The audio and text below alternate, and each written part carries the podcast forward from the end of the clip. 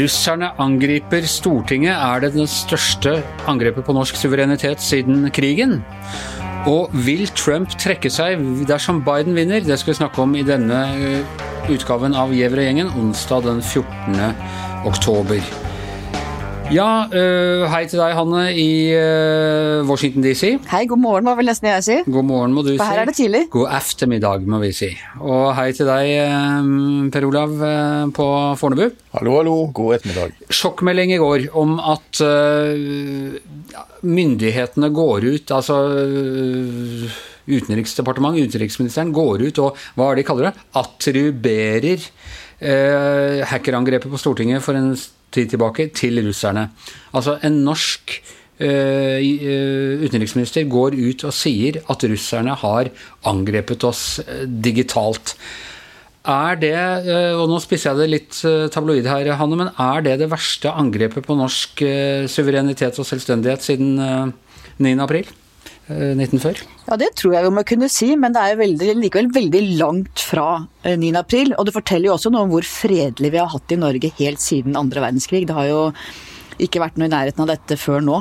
Og det er jo den nye formen for angrep. altså Cyber er jo noe helt nytt. Og veldig mye flere konflikter kommer til å utspinne seg der i, i det kubernetiske rom. Vi vet at det tidligere har vært uh, hackerangrep på, på helseinstitusjoner og, og, private institusjoner i Norge, men det at man går ut og, og retter pekefingeren mot uh, russerne uh, det er jo Det er jo en, en, ganske grov anklage mot russerne også? Ja, og vi må jo anta at dette har de veldig godt belegg for. Og det er klart, det å angripe Stortinget, vårt folkevalgte organ, vårt øverste demokratiske organ, det er et alvorlig og stort angrep. Og det, å, det er jo et markering av russerne viser at dette kan vi gjøre, og viser oss fingeren på en måte. og Da er det helt nødvendig, mener jeg, at regjeringa slår tilbake og peker på dem og sier vi vet at det er dere, og dette setter vi veldig liten pris på.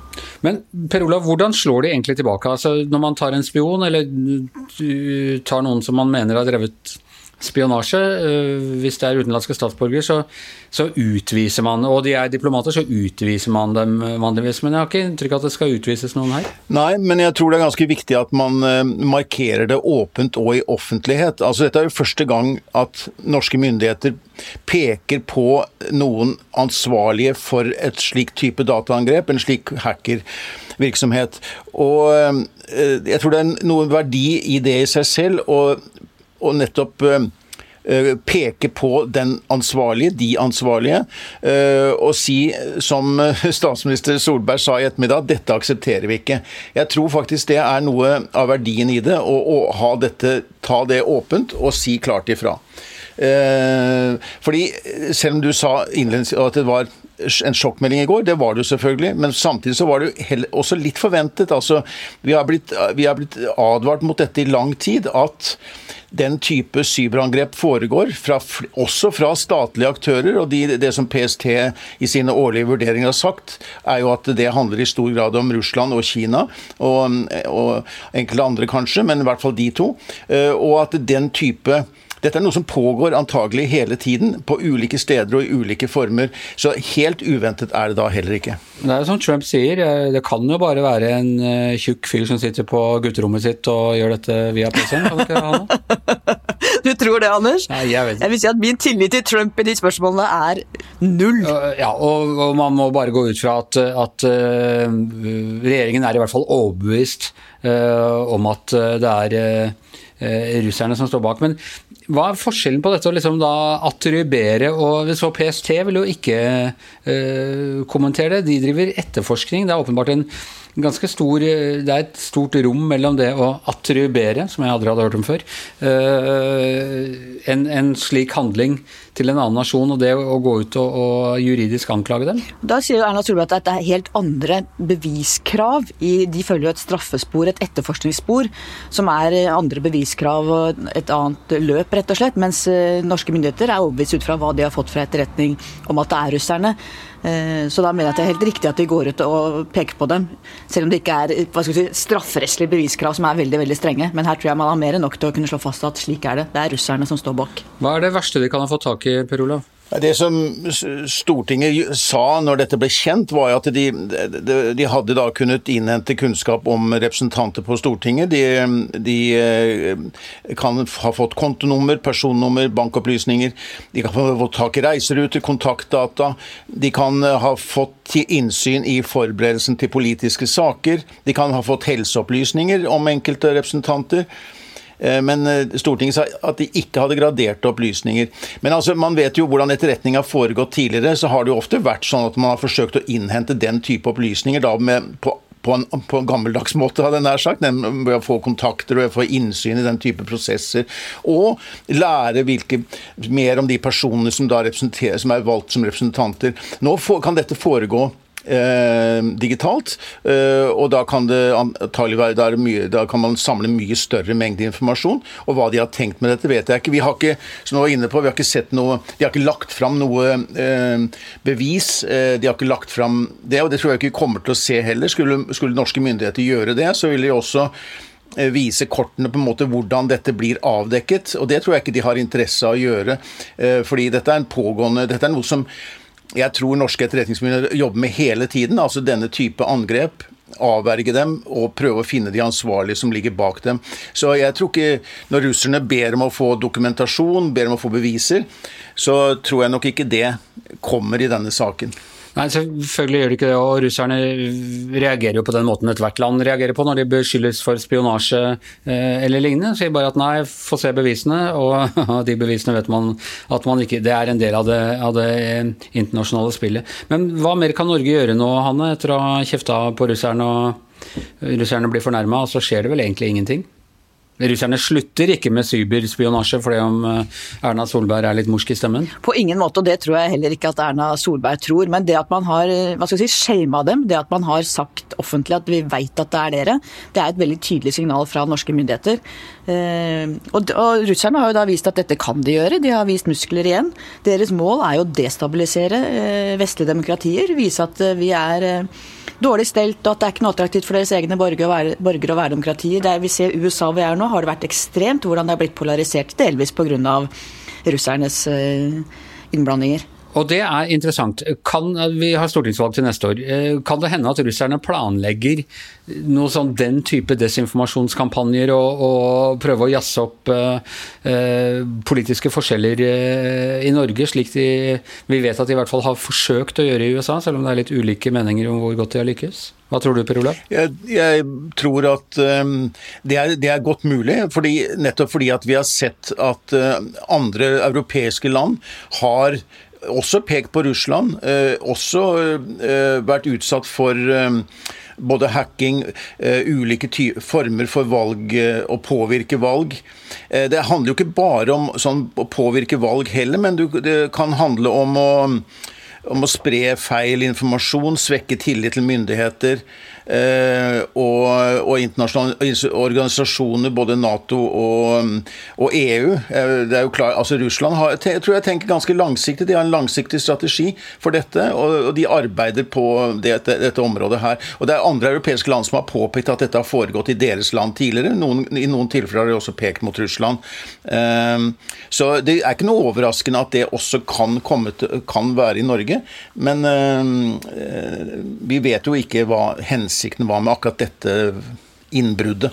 Er det grunn til å vente noe mer informasjon Hanne, om, om dette, om hva som skjer, eller er liksom saken nå kommet så langt som som kommer i offentligheten? Eh, jeg tror ikke vi får noe mer informasjon enn det vi allerede har fått. Eh, med mindre det skjer noe nytt. Hva tror du, Per Olav? Nei, eh, jeg, jeg, tror i grunnen ikke det. Jeg tror, jeg, jeg tror ingen, ingen, i norske regjeringer eller myndigheter er spesielt Jeg vil anta i hvert fall at ikke de er spesielt overrasket over de reaksjonene som kommer fra Russland nå. Det er helt forventet.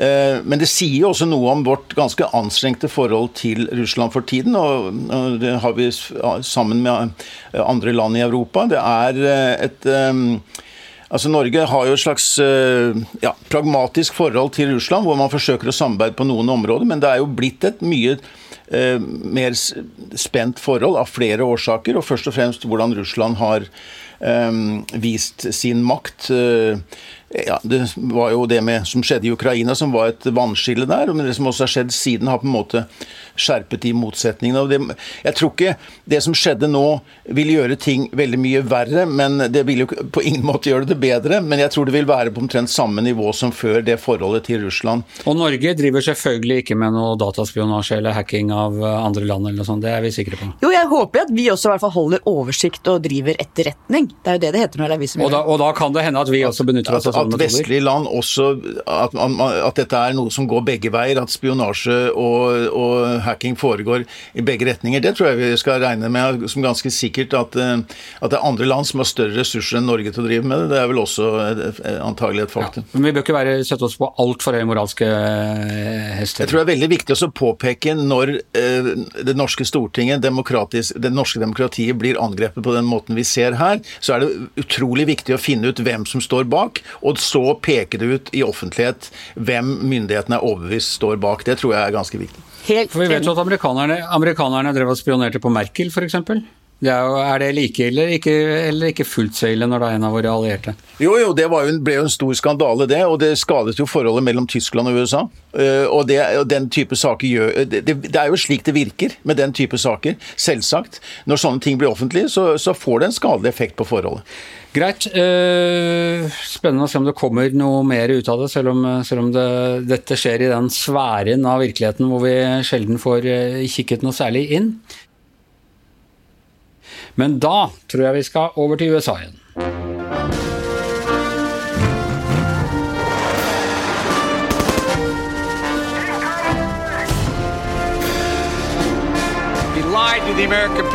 Joe Biden is a weak person. Ja, eh, må si eh, dagen Når dagen renner her eh, i Norge og jeg eh, griper til iPhonen for å se hva som har skjedd i løpet av natten, så var, var dette en relativt rolig morgen eh, fra, fra, USA. Ingen store Det var høringen eh, i Senatet av Trumps høyesterettsnominasjon, og det virker som hun har klart seg ganske bra. Og en ganske rolig dag i Eh, sambandsstatene, Hanne? Ja, og jeg må si jeg har jo fulgt høringen av henne. Jeg må si jeg er veldig imponert over den dama. Hun eh, er utrolig flink. Hun sitter uten notater og svarer og tar det ene etter det andre ut av hodet. Redegjør veldig klart og konsist. Hun ble jo flere ganger kåret av studentene sine på eh, universitetet til den beste foreleseren. Eh, hun, er, eh, hun kommer til å virkelig være ytre høyre, tror jeg, i, i Høyesterett. Vil hun frata amerikanerne The Affordable Care Act? Hun vil jo ikke svare på noen slike spørsmål. Hvorfor det, vil hun ikke det? Hun begrunner det med at hun sitter i, allerede nå er en dommer, at dette er saker som kan komme foran henne som dommer, og da kan hun ikke svare på hva hun mener på forhånd, og viser til Ruth Ginsburg, som på en måte laget denne doktrinen da hun ble eh, hørt som høyesterettsdommerskandidat, at du kan ikke svare på eh, hypotetiske spørsmål om saker som kan komme foran deg på dommerbordet. Men alle som sitter i den salen, vet jo at hun, hva hun står for. Hun er abortmotstander, har skrevet under på på sånn, opprop mot abort, f.eks. Eh, hun har uttalt seg veldig kritisk til eh, høyesterettsdommer Roberts, som har eh, godkjent deler av Affordable Care Act. Hun, er, eh, hun tilhører den siden, men hun svarer så veldig godt for seg. Altså hun er veldig avvæpnende i formen, veldig sjarmerende, og du bare merker at hun er utrolig skarp eh, dame. Det er litt pussig at hun kan skrive under på antiabortopprop, men ikke fortelle Eh, de folkevalgte i USA hvor hun står i abortsaken. Men dette gjorde hun mens hun var eh, professor før hun ble dommer. Eh, og, og hun har nok rett i at doktrinen er at du som, som, dommerkandidat Det er ingen andre heller som har villet svare på den type spørsmål, men folk vet jo også, de som sitter der og hører det, vet jo også veldig godt hva hun mener om disse spørsmålene. Så det er jo, når de spør, så er det altså for å synliggjøre det for eh, folk som ser på. Per Olav? Ja, jeg, jeg, jeg merket meg at hun lar være å svare på den type konkrete spørsmål som Hanne sier. Men eh, f.eks. så ble hun spurt av Det var vel Dianne Feinstein som eh, stilte spørsmål, senator fra California, demokrat, demokrat ja. om Trump på egen hånd kan utsette valget ved, altså, under påstander om at det foregår valgfusk, og at valget da må utsettes. og Hvis, en sånn, øh, hvis den saken ville da komme for Høyesterett, hvordan hun ville, eller hva, hva hun mente det konstitusjonelle om dette, og det vil hun heller ikke eh, svare på det. Vil hun da vurdere å se på de argumentene for osv. Mens det er veldig tydelig skrevet i den amerikanske konstitusjonen at presidenten på egen hånd kan ikke si at vi utsetter valget eller vi gjør sånne grep nå. Eh, det er jo faktisk Kongressen som eventuelt kan gjøre da, i en, en gitt situasjon. Eh, og hun ville heller ikke svare på et spørsmål fra en annen senator som også var presidentkandidat, Amy Klobuchar, om det er ulovlig uh, å skremme velgerne ved valglokalene. Altså, det, er jo utledet av at Eh, det er bl.a. opprettet en sånn Trump Army som skal være ved valglokalene på en måte og ja, se at det ikke foregår valgfusk. Da. Men dette er jo ikke vanlige valgobservatører. Dette er på en måte en slags sånn gruppe som skal organiseres for å stå der. Og ja, noen mener skremme velgerne. Eh, men det vil hun også heller ikke. Det, ja, hvis det kom en slik sak for retten, så vil hun da se på hva som hadde Så jeg, jeg forstår begrunnelsen hennes for det, men samtidig så er det jo Eh, så er jo den amerikanske konstitusjonen ganske klar på en del slike ting. da, Sånn som de to spørsmålene der. Det er ikke tillatt å skremme velgerne ved valglokalene. Hun understreket jo eh, ganske klart at hun ikke er noe redskap for Trump. da, Not his pawn, som det, som det heter. Gammelt uttrykk jeg egentlig kjenner fra Bob Dylan. Så Eh, det er i hvert fall til en viss grad beroligende. Ja, Hun var jo veldig tydelig på at hun ikke hadde snakket noe på forhånd med hva hun ville mene i ulike saker. Men det som også var et stridsspørsmål, var om hun ville eh, Trump har jo sagt at han kanskje vil kjøre valgresultatet helt opp til Høyesterett. Og da var det mange som spurte hva vil du da anse deg selv som inhabil, i og med at du er utnevnt av han, og han har snakket offentlig om at han ønsker at Høyesterett skal avgjøre det spørsmålet. Og det ønsket hun ikke å svare på. Hun sa da at hun ville drøfte det med sine dommerkollegaer, gå gjennom en juridisk prosess rundt dette. Og det har det vært en del strid om i etterkant, hvor andre juridiske eksperter sier at det er opp til den enkelte dommer selv å avgjøre sin habilitet. At det er ikke noe du skal ta en runde med med dine kollegaer. Så det er også et veldig sentralt spørsmål her. Vil hun være med å avgjøre om valgresultatet er gyldig dersom eh, han som har utnevnt henne, eh, taper valget. Ja. Og La oss snakke litt om det. fordi eh, Dette har vi nesten ikke turt å si offentlig, men det er jo ingen meningsmålinger nå som gir noe særlig håp for Trump om å bli gjenvalgt. Han har 14-15 eh, eh, sjanse. Den er da mest teoretisk, hvis vi skal tro meningsmålingene. Og selv om man eh, tar høyde for at meningsmålingene skal være like feil i år som de var for fire år siden, så vil han tape med rundt 100 valgmannsstemmer. Og hvis så skjer, hva skjer da? Vil Trump akseptere eh, et sånt tap? Et eh, såpass klart tap som på 100 valgmannsstemmer? Hva tror du, Hanne? Nei, det tror jeg ikke. Nei. Hva tror du, Per Olav? Nei, Han har kun sagt at uh, hvis han taper, så er det som et resultat av omfattende valgfusk. Han uh, har ikke åpnet ja, det er Akkurat på det punktet tror jeg vi skal ta ham på ordet. Og Hva gjør USA da, hvis vi sitter med en president som nekter å akseptere valgresultatet? Det er jo helt bananrepublikk eller eller av disse verste uh, diktaturrepublikkene. Jeg snakket med en av de sentrale strategene gjennom mange mange år på republikansk side og spurte om akkurat dette. Og han sa da at det er ikke noe problem. Det skjer ikke. Vi har hatt uh, folk som har vært bitre for å ha tapt før. USA er ikke sånn. Han kommer til å uh, forsvinne ut. Eh, det er bare helt uaktuelt, og systemet vil ikke akseptere det. Det er bare utelukket. Han kommer til å forsvinne? Han kommer til å forsvinne slik han selv mente at eh, koronaviruset skal forsvinne? Eller, Nei, tror... eller må det litt håndfaste ting til? Ja, jeg gikk ikke så i detalj, men jeg ser nok for meg at worst case så vil jeg tenke at man bærer han ut av det ovale kontor. Altså amerikanske... Secret Service uh, geleider ham ut, liksom? Ja, altså det amerikanske systemet, institusjonene er tross alt, det er ikke en bananrepublikk. Institusjonene kommer ikke til å akseptere at han ikke akseptere et valgnederlag. Det er jeg helt sikker på. Hva tror du, Per Olav? Ja, jeg tror det er litt forskjell på om uh, Hvis resultatet blir litt sånn som det du skisserer nå, Anders, så snakker vi om et valgskred til Biden. Det er, det er, det er jeg høyst usikker på om det kommer til å skje. da. Men hvis det skulle skje, så tror jeg at uh, Trump vil ha veldig liten støtte uh, i sitt eget parti og andre, og, som da kan Jeg tror ikke han vil ha noe støtte for å kunne liksom stille spørsmål spørsmål ved valget. Og, og da tror jeg det vil skje i ganske ordnede former. Men hvis det, er, hvis det blir et jevnere valg, og det blir, og det blir et mer omstridt valgresultat, da kan det skje Og det, kan, det, er fortsatt fullt mulig at det kan bli utfallet. Da tror jeg det kan bli mye mer krevende. For da kan det komme til å bli slik at i de enkelte delstater, i noen av disse vippestatene hvor resultatet er jevnt, så kan det bli en kamp i rettsvesenet. Man vil, man vil uh, påberope at det har vært uh, valgfusk osv. Da tror jeg vi kan få en kamp både i rettsvesenet og i gatene i form av demonstrasjoner og, og, og, og, juridiske prosesser som kan vare litt innover i desember. Eh, jeg tror det der vi så i 2000, som vi har snakket om så vidt tidligere, det, det var jo en mild versjon av det vi kan komme til å oppleve nå. Men la oss si at han f.eks. på valgnatta taper Florida. Eh, da vet vi at eh, alt er tapt, for det er så mange valgmannsstemmer. Og den blir telt opp, eh, er av de ligger på østkysten, og man starter i hvert fall opptellingen tidlig. Da vil resultatet være såpass klart at man må kunne satse på at dette ble avgjort i løpet av valgnatten. I hvert fall offisielt. Hva tror du, Hanne? Jo, men Noe av problemstillingen nå er jo uh, koronaen. At veldig mange poststemmer som blir talt opp senere mange steder, og hvor man også vet at i mange stater så teller man først de uh, ved valgboksen-stemmene, og så etter hvert teller man poststemmene.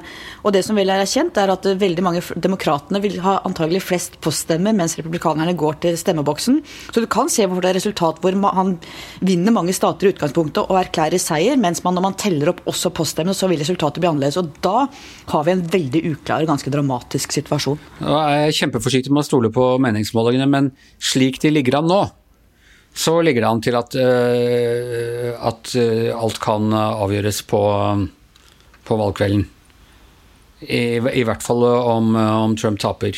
Hva tror du, Per Olav? Ja, men jeg, jeg, er litt opptatt av disse poststemmene som han var inne på. Jeg er også litt opptatt av det der med at du ser at det er problemer i valgavviklingen allerede. Nå tror jeg det er 11 millioner som har stemt, men i flere delstater så meldes det jo om altså de som også da møter fram for å stemme i valglokaler, der de har sånn forhåndsstemming, da. Eh, I eh, Georgia eh, så, var, så måtte de stå ti timer i kø. I Texas så var det tre timers ventetid. Det er blitt vanskelig Valgsystemet fungerer fungerer ikke særlig godt. Avviklingen har problemer.